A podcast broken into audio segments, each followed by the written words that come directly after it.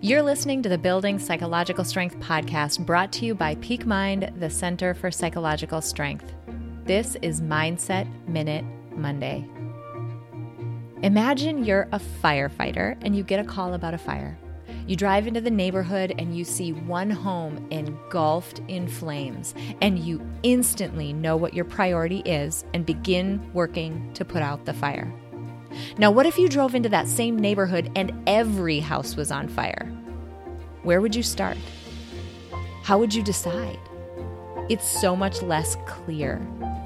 That's what it's like to have too many priorities at the same time.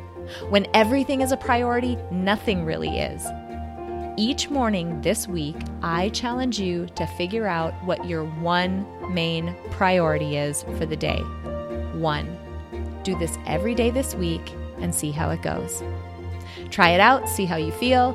DM us on Instagram at Peak Psychology to let us know how it went. And if you benefit from our content, please drop us a rating and a review on iTunes and share this with others who might find it valuable. One last thing check out the description of this episode for an incredible offer from Blinkist, one of our newest sponsors, and the maker of one of my favorite apps. Also, you all know that one of my favorite books is Essentialism by Greg McKeown. Talk about choosing a priority, huh? What if you could get the main insights from that book in 15 to 20 minutes? You can with Blinkist. So check out the link in the episode description, and we'll see you next week for another Mindset Minute Monday. Everybody in your crew identifies as either Big Mac Burger, McNuggets, or McCrispy Sandwich, but you're the filet fish Sandwich all day. That crispy fish, that savory tartar sauce, that melty cheese, that pillowy bun.